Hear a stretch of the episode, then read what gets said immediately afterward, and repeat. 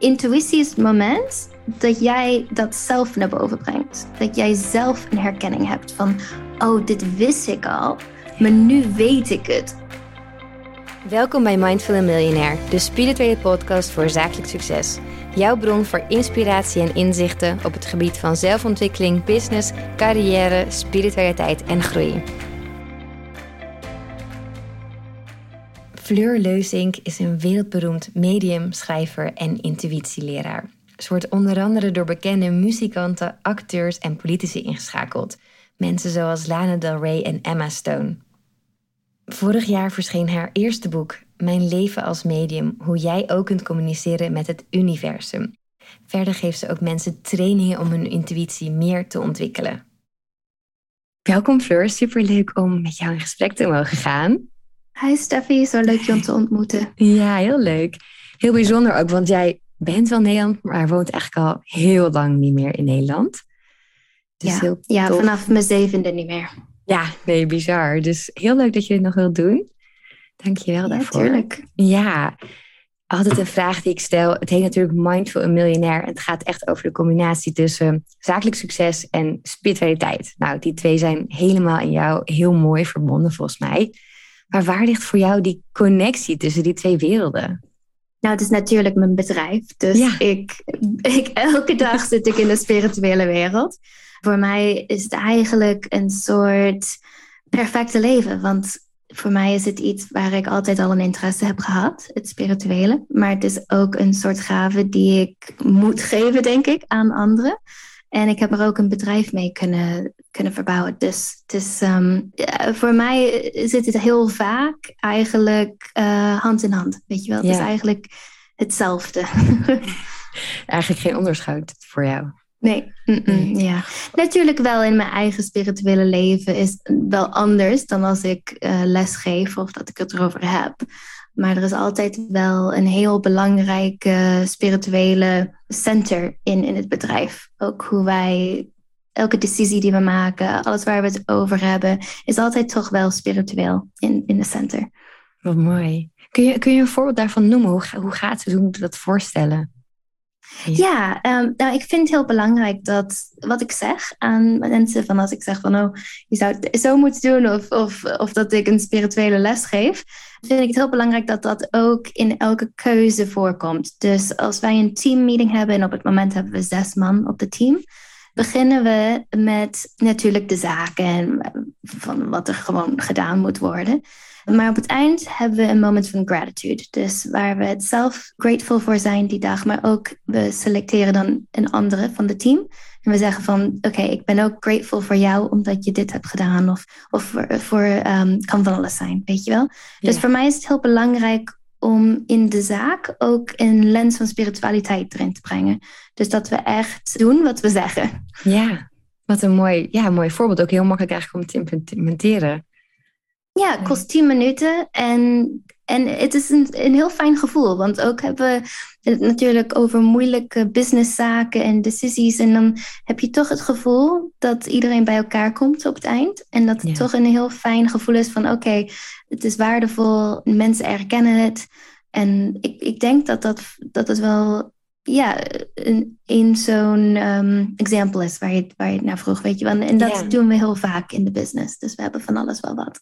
Leuk, heel leuk. Ik vind dat heel inspirerend om van andere ondernemers te horen hoe zij spiritualiteit in de business doen. Want het komt, het komt hier ook veel meer. Mensen vinden het soms wel een beetje gek, maar ik kan me voorstellen dat in, in Amerika mensen er sowieso wat verder, verder in zijn. Ik vraag me af wat jouw visie erop is. Ik heb het hier vaak over spiritualiteit en business. Mensen vinden het vaak lastig omdat hier heerst heel erg het gevoel, met spiritualiteit mag je geen geld verdienen. Want dat is iets, een mm. gift. Of ja, dat, dat vinden mensen lastig ook over hunzelf, maar ook van anderen. Hoe, hoe, wat is jouw visie daarop? Ja, in het begin vond ik dat wel moeilijk. Maar van, van eigenlijk vanaf het begin dacht ik, oké, als ik dit werk wil doen, dan is het moeilijk voor mij om ander werk te doen. En mm. ik was 22, 21 of zo en ik had een, een baan. En ik zat op school en ik gaf lezingen. En op een gegeven moment dacht ik, ik doe het eigenlijk niet goed op het werk. Nou, in die baan dan. En de lezingen gaan ook eigenlijk niet zo goed als ik weet dat dat zou kunnen. omdat ik gewoon niet tijd genoeg heb in de dag. En dan moet ik geld vragen. Want ja, ik, dat, is gewoon, dat is gewoon een feit. Dat moet. En in het begin ehm, vond ik dat heel erg moeilijk. Ik had een assistent en voor mij was het nummer, de nummer één uh, reden waarom ik een assistent had, was ik vond het moeilijk om zelf geld te vragen. Dus dat was, um, was een hele grote hulp voor mij. Want zij vroeg voor het geld en dan zag ik het nooit.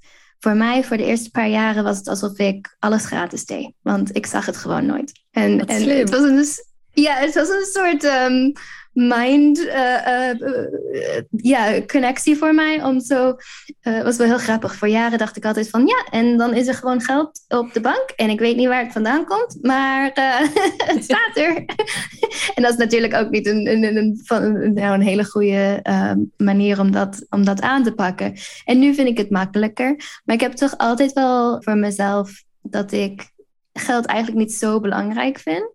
En in de laatste twee jaar heb ik daar, met, daar zelf toch wel wat aan, aan gedaan. Weet je, om te zeggen van waarom vind ik dat niet belangrijk? En mhm. het is toch wel gewoon energie. En waarom vinden we het dat het minder is dan iets anders?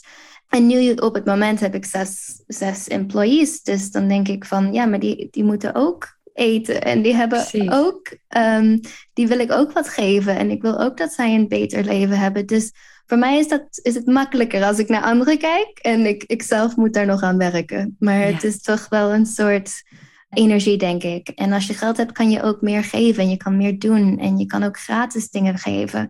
Dus ik kijk altijd van, oké, ja, ik, ik weet dat er mensen zijn die het wel kunnen veroorloven. En als, als die dan mij betalen, dan kan ik aan anderen geven die het, die het niet kunnen veroorloven. Heel mooi ja, ook je eigen ontwikkeling daarin. En dat is eigenlijk wel heel slim dat je denkt, ik heb hier moeite mee. Als ik dat stukje naar uitbesteed, dan groei je er vanzelf ja. in. Ja, heel slim. Ja, Ook, wel, ook wel een grote stap om een assistent in te nemen, terwijl je het eigenlijk inderdaad eerst gratis deed. Ook wel heel stoer. Ja, nou, mijn eerste assistent was mijn moeder.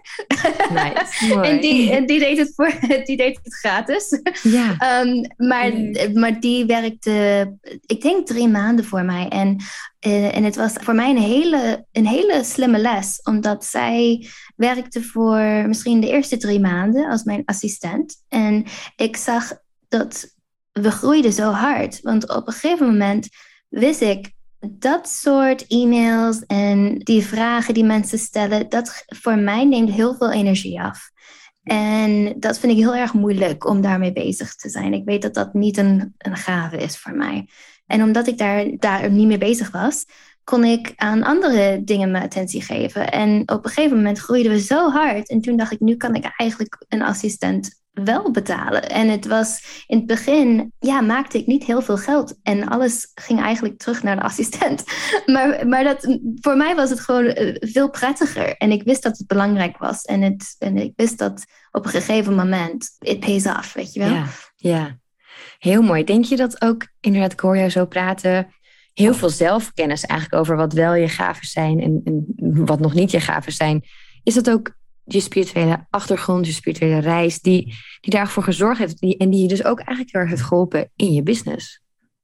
Ja, ik denk, ik heb heel veel profijt omdat ik 15.000 plus readings heb gedaan. Dus ik heb zoveel tijd bespendeerd met mensen en hun leven om te zien wat werkt en wat, er, wat niet werkt. Of nou niet wat, wat werkt en wat niet werkt, maar om te zien van waar is er flow en waar is er heel veel resist resistentie.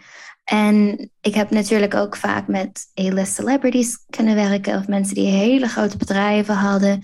En voor mij merkte ik elke keer, oh, als er iemand heel succesvol is, dan hebben ze een, een hele sterke connectie met hunzelf. Ze luisteren naar hunzelf. Ze zeggen niet van, oh, zo heeft iemand anders het gedaan, of dit werkt voor hun. Ze vragen zichzelf af, van wat, wat is, is goed voor mij? Van, wat werkt voor mij? Waar ben ik goed in? En daar maken ze hun keuzes van, van, van die energie, van die flowpunt. Dus toen ben ik dat eigenlijk in mijn eigen leven gaan doen. En op een gegeven moment had ik het zo druk. Toen dacht ik van ja, maar ik, ik kan eigenlijk niet alle, alle delen van de business regelen. Dat kan niet. Dus waarom doe ik niet gewoon wat ik het leukst vind? Weet je wel, en het gaat eigenlijk dan weer terug naar die vraag van, maar wat, wat doe ik het best en wat, wat spreekt mij aan? En als ik dan iemand anders iets kan geven wat zij leuk vinden, dan gaat de hele business natuurlijk veel beter. Want dan zijn we allemaal blij om, omdat we op het werk zijn, weet je wel? Dan zit ik niet ehm, van ik heb, uh, ik heb geen interesse in details, van echt helemaal niet. En we hebben net een nieuwe, onder, of een nieuwe employee, dus we hebben uh, interviews gedaan.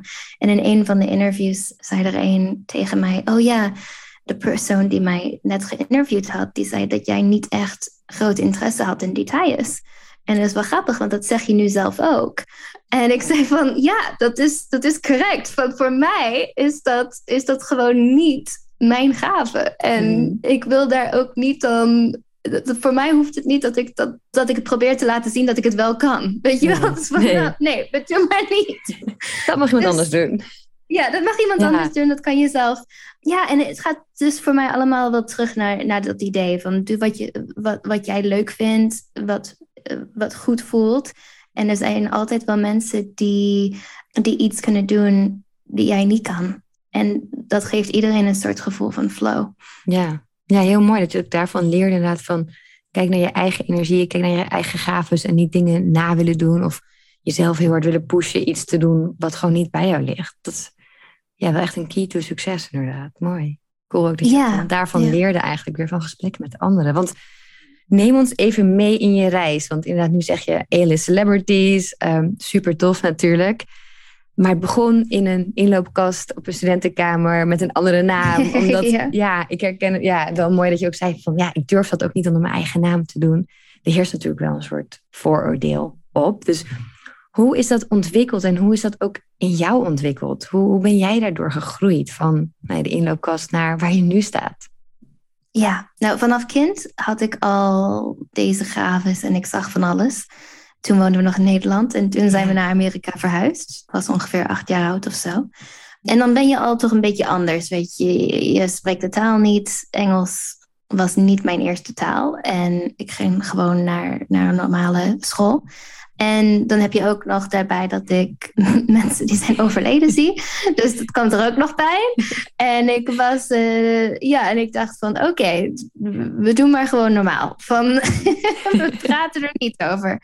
Dus voor mij was het niet echt een heel groot deel van mijn, van mijn jeugd. Maar mijn ouders waren er wel mee bezig, want ze hadden het zelf meegemaakt. En ze wisten dat het voor mij moeilijk was. Dus we hadden het er wel over toen ik klein was. En ze waren eigenlijk wel heel. Ze stonden er wel heel erg open voor. Mhm. Maar ze wisten ook niet waar ze, wat ze ermee moesten doen. Weet je wel. Het was echt van. Ja, toen ook bestond er niet zoveel materiaal om, om daar meer over te lezen en meer over te weten. Dus uh, ja, toen, toen ik uh, eh, 18 was, wou ik medicijnen studeren. En ben ik ook gaan doen op UCLA in Californië. Ik had een, uh, een soort beurs gewonnen en dat um, maakte het zodat ik naar, naar UCLA kon. En in dat eerste jaar, in het eerste jaar, um, kreeg ik eigenlijk een, een soort unexplainable illness. Dus ik werd heel erg ziek. Niemand wist wat het was. Uh, ik ben van de ene dokter naar de andere geweest en ze kon het maar niet verklaren. Dus op een gegeven moment was toch wel een beetje paniek van mijn ouders. Van ja, we weten het niet, niemand weet het, maar je ziet er niet erg goed uit. Weet je wel, het gaat niet goed met je. Waarom ga jij niet naar een psychic medium toe? Waarom ga je niet iemand zien? Want jij was zo je zag zoveel toen je een kind was. En je kan wel zeggen dat je het allemaal hebt verzonnen, maar wij hebben het meegemaakt en je hebt het niet verzonnen. We zagen het, we hebben het gehoord, je hebt het gezegd. Ook als voorbeelden iemand... toch die je gewoon niet had kunnen weten. Ik vond het zo mooi om te lezen ja. allemaal, ja. Ja, mensen zijn naam van ehm, bijnamen die, die niemand anders gebruikt. ja. Ja, dingen waar mijn ouders zeiden van oké, ja, dat is niet te verklaren. Nee. En het is ook niet iets dat wij het er ooit over hebben of dat dat we het hebben gevraagd. Weet je wel, ik, Mhm. ik zei het gewoon. Van, het Ja. was van op het een van de andere moment van... Oké, Fleur, eh, wat zei je? Weet je wel? Dus toch een beetje verrassend voor hen. Eh, Ja, maar ik. daarom waren zij eigenlijk wel heel erg overtuigd. Mooi, ja. Dus dat was wel heel erg fijn. Dat ik, Ja. dat ik er geen... Het was niet dat ik hun eh, daarvan moest overtuigen. Het was eigenlijk andersom. Dus ik ging naar de psychic medium toe. En ik, zij wist eigenlijk niks over, over mij. En ik eh, ga daar zitten en ze zegt... Oké, je hebt een gave. Je zal als een medium werken. Maar je doet daar op het moment niks mee. Um, en als je dat niet doet, dan kan je heel erg ziek worden. En ga je waarschijnlijk dood. En ik zei van... Oké.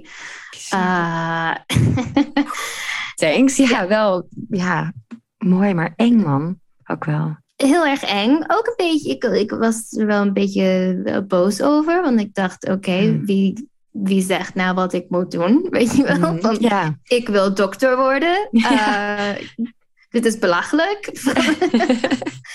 ik wil mijn eigen leven kunnen kiezen. Ik wil doen wat ik zelf wil. En dit wil ik niet. Maar je bent natuurlijk wel heel erg ziek. En ik was 19 en ik dacht, ja, ik wil toch niet dood. Weet je wel, dat schijnt, dat is niet de oplossing. Dus ik zei, oké, ik begin met het mediteren. Ik, ik zal het wel doen. Ik zeg het tegen niemand. Ik doe het gewoon met een, met een andere naam, weet je wel. Ik verzin wel iets. En zo is het begonnen. Ja. 13 jaar later eh, doe ik het nog steeds. Ik vind het nou natuurlijk nu, en in, in het begin vond, was ik nog wel een beetje boos erover, maar toen ik eenmaal begon met, met readings geven, dacht ik, oh ja, dit is, dit is toch wel wat ik, wat ik moet doen. En toen begreep ik het ook wel, maar in het begin was dat heel erg moeilijk voor mij. Ja, wel knap dat je die boosheid, dat je het toch gewoon bent gaan doen. Uit een soort vertrouwen misschien. Of, ja. Ja, nou, op het moment klinkt het wel heel erg makkelijk, maar het was. eh, het, ja, ik denk in het begin is er altijd een beetje. Je hebt een dag waar het goed gaat en een dag waar het niet goed gaat. En dan heb Ja. je kleine stapjes vooruit. Maar ik las dat je het ook heel systematisch aanpakte. Misschien ook om jezelf te overtuigen. Om te kijken van oké, hoeveel klopt er nou? Welk percentage hangt erbij? Ik vond het wel heel cool eigenlijk om te lezen dat je zoiets intuïtiefs, iets spiritueels dan toch zo bijna rationeel aanpakte. En daarmee kon onderbouwen, oké, ja, wat ik doe klopt gewoon. Ja, ja ik, ik had wel een hele sceptische brein. Want Ja. ik, ik was medicijn aan het studeren. Voor mij, ik was neuroscience aan het studeren. Dus dat is eigenlijk wel ironisch, want ik zat door de dag heen in klas over hoe de brein, weet je wel, in elkaar zit en alle, alle dingen die fout kunnen gaan. En dan s'avonds zat ik eh, deze gavens, ja, deze gavens te, te ontwikkelen. En de twee, ja, die, die passen niet echt heel erg eh, bij elkaar historisch. Nou dan. Ja, voor mij was het heel erg belangrijk om, om zeker te weten dat het toch wel iets, iets was. Je kan natuurlijk nooit zeggen van, oh, het is 100% Mhm. waar. Nee. Maar ik had wel een soort, ik had eh, nummers nodig. Ik wou, ik wou gewoon Mhm. zien, oké, dit, is, dit is iets. Ja. Ik weet nog niet wat het is, maar het is iets. weet je Het wel? klopt, het gaat de goede kant. Ja. Ja. Ja, heel tof. Want in je boek, maar ook je hebt ook cursussen over, over intuïtie, inderdaad. Dus Ja. kun je daar iets meer over vertellen? Want ik vind intuïtie in werk ook iets nou, heel belangrijks, maar ook vaak lastig voor mensen. En je haalt ook een super tof onderzoek aan van John, John Mialaski. Kun je misschien daar iets over vertellen? Dat echt, ik vond het echt mindblowing dat 81% van de mensen die Mhm. hoog scoorden op intuïtie, gewoon binnen vijf jaar hun bedrijf verdubbelden, terwijl de andere mensen maar 50% lukte. Hoe leer jij mensen omgaan met hun intuïtie? Want je vertelt ook over verschillende vormen van intuïtie. Had ik nooit zo bij nagedacht eigenlijk. Ik vond het echt gaaf om Ja. daarover te leren. Kun je Ja. iets ons erover te vertellen? Zeker. Hier ben ik op het moment heel erg druk mee bezig. Want ik denk, oké, het is fijn als ik een psychic ben voor iemand anders natuurlijk. Maar ik, ik eh, weet dat ik het niet van... De informatie is niet buiten jezelf. Mhm. Dus als ik voor jou een reading zou doen, ben ik eigenlijk een ambassa- ambassadeur voor jouw eigen kennis. Ja. Van wat er al in zit. Maar jouw brein weet het nog niet. Weet je wel? En ik denk, intuïtie is het moment dat jij dat zelf naar boven brengt. Dat jij zelf een herkenning hebt van, oh, dit wist ik al, maar nu weet ik het. Nu weet ik het op, op een logische manier. En als je het logisch weet, dan kan je er iets mee doen. Maar anders is het een soort kennis en het toch wel waterig. En je weet eigenlijk niet van, oké, is dat nou iets of is het echt? Intuïtie, iedereen heeft het. Het is gericht op waar je, je meeste, waar, waar je aandacht staat. Dus heel vaak als, als jij een entrepreneur bent, als je iemand bent die bezig is met, met je werk, is dat natuurlijk iets waar jij zelf al hebt gezegd, dit vind ik belangrijk. En je intuïtie heeft dan, die weet dat dan natuurlijk ook. Dat is een soort subconscious path om te zeggen van oké, hier heb ik het meeste belang belangstelling aan. Voor de meeste mensen is het dan ook mensen die, waar ze van houden. Weet je wel, of dat nou kinderen is of mensen die, die in je leven zijn. En ook natuurlijk uh, survival. Dus we hebben dat al vaak gehoord over intuïtie. Dat mensen dat vliegtuig niet nemen. Of ze nemen altijd dezelfde weg naar huis. En dan doen ze het een andere dag opeens iets. En ja, dan hebben ze gewoon een gevoel van ja, dat, dat moet niet vandaag. Weet je wel, ik moet ergens anders naartoe. Dus onze intuïtie die bestaat al, maar de meeste mensen die gebruiken er maar heel erg weinig van. We zijn in de war, maar we zitten ook, we zijn te logisch bezig. Dus ik, ik zie vaak met mensen dat het eigenlijk een soort self-trust is die er niet bestaat. Dus hmm. mensen weten het wel, ze hebben een herkenning van de intuïtie, ze weten dat ze iets weten, maar dan hebben ze niet de confidence om daar iets mee te doen. Dus dan heb je heel vaak dat mensen zeggen van, oh ja, dat, ah, ik had dat niet moeten doen, ik wist het al, weet je wel? Ja. Maar ze hebben het nog niet in the present moment gebracht. Ja, uit inderdaad, omdat ze zichzelf misschien niet helemaal vertrouwden op dat gevoel. Want dat kan je met je, met je hoofd niet bij van, ja, maar mijn hersenen zeggen, ja. En dan, Kun, jij leert ze dan eigenlijk om daar beter mee om te gaan, om daar wel op te vertrouwen. Ja, ja. En dat doe ik in een, in vier stappen. We kijken eerst, oké, hoe spreekt jouw intuïtie jou aan? Want dat is verschillend voor iedereen. Je hebt natuurlijk een manier waar jij deze informatie al krijgt. Maar vaak herkennen mensen hun eigen signalen niet. Dus daar kijken we eerst naar. Dan kijken we, oké, waar zit je jezelf dwars? En waar, waar float dit niet? Dan kunnen we dat uh, empoweren. Want als jij weet, oké, dit zijn mijn signalen en hier zit ik mezelf dwars. En nu heb ik dat niet meer. Nu kan ik het laten, nu is er een flow. Dan heb je een moment waar je dat intuïtiemoment, je krijgt de intuïtie en je herkent het. En dat is een heel belangrijk moment voor mensen. Dat het niet gebypast wordt, of dat ze niet onmiddellijk zeggen van, oh ja, nou, als je dat moment kan hebben, dat je het in the present moment denkt, oh ja, ik voel dit en ik heb het eerder gevoeld. En elke keer als ik dit voel, dan gebeurt er iets dat waar is. Of ik heb het al honderd keer gezien, maar ik heb nog nooit iets mee gedaan. Als je die moment, if you can get there, if you can get in that present moment, dan kan je er iets mee doen. Weet je wel, dan, dan begint ons werk echt. Want dan kan je zeggen, oké, nu wil ik intuïtief uh, zijn over mijn werk of mijn kinderen of school. Of dan heb je een soort antenne en je kan het sturen. Maar het eerste waar we vaak mee bezig zijn is, moet het, we moeten hem vinden. Omdat ons hele leven hebben we meer belangstelling aan wat iedereen van ons vindt. En wij luisteren heel weinig naar wat we zelf vinden. Dus we hebben heel veel external feedback. We luisteren heel veel naar wat de wereld zegt en heel weinig naar wat wij zelf zeggen. Ja, ja mooi. Ja, heel tof. Ik vond het zo cool om, ja, om meer over te lezen.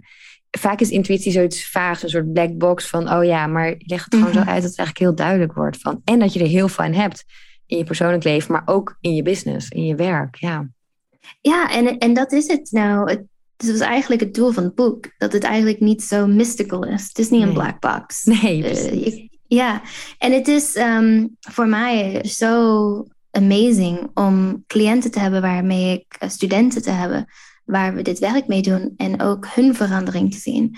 Omdat als je een intuïtie hebt, dan is dat een zelfvertrouwen. En als je het zelfvertrouwen hebt in je leven en jij weet wat goed is voor jou, dan verandert je hele leven dan weet jij gewoon, oké, zo is mijn leven het beste voor mij. En in de laatste klas die we net hebben gehad, was er een vrouw en die was in een, door de klas heen was in divorce court. Dus het was met de kinderen over custody, wie, wie de kinderen kregen, wie niet.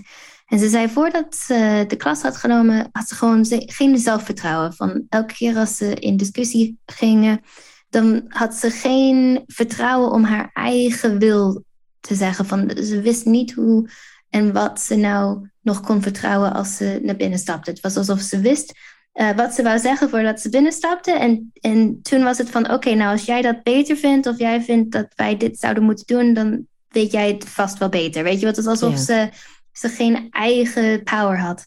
En toen zei ze na de klas dat het helemaal veranderd was. En omdat ik denk dat de intuïtie en zelfvertrouwen en power, die zijn zo verbonden met elkaar. Ja. Als je de een kan versterken, dan komen de andere twee ook. Ja, ja absoluut. Inderdaad, heb ik er nooit naar gekeken, maar het is wel zo. Dan, dan heb je het vertrouwen in jezelf. En dat gaat natuurlijk doorspillen op heel veel andere onderwerpen in je leven. Cool, echt mhm, cool. Ik vind het zo leuk om er meer over te horen. De tijd gaat super snel. Dus eigenlijk als laatste vraag, wil je nog een goed advies, wijze woorden met de luisteraars delen? Oeh, ja, zoveel. Um, maar ik denk nummer één is om wat tijd voor jezelf te nemen. Dus als jij meer intuïtief wil zijn of je wil iets meemaken dat niet in de physical world bestaat, dan heb je toch wat stilte nodig. En dat is niet altijd mediteren. Dat is niet, oké, nu moet ik mijn ogen dicht doen en naar muziek luisteren. Dat kan ook gewoon een moment zijn waar je naar buiten loopt. Of dat je schildert of je kookt. Maar toch een, gewoon een moment voor jezelf. Want als jij een moment kan creëren voor jezelf, een beetje space maakt, dat is al eh, een hele grote stap om, om die intuïtieve voice te kunnen, te kunnen vinden. Ja, mooi. Dankjewel. Oké, ja, graag gedaan. Ja, super tof om hierover te spreken. Ik heb alle linkjes naar het boek, de cursussen toegevoegd in de show notes. Dus kun je hier allemaal vinden. Dankjewel. Bedankt, Steffi. Je luisterde naar Mindful Millionaire, de podcast. Ik hoop dat deze episode je nieuwe inzichten, inspiratie en ideeën heeft gegeven. Mocht dat zo zijn, dan ben ik je super dankbaar als je deze podcast deelt, volgt, reviewt of een shout-out geeft op Instagram via Steffi Dankjewel en tot snel.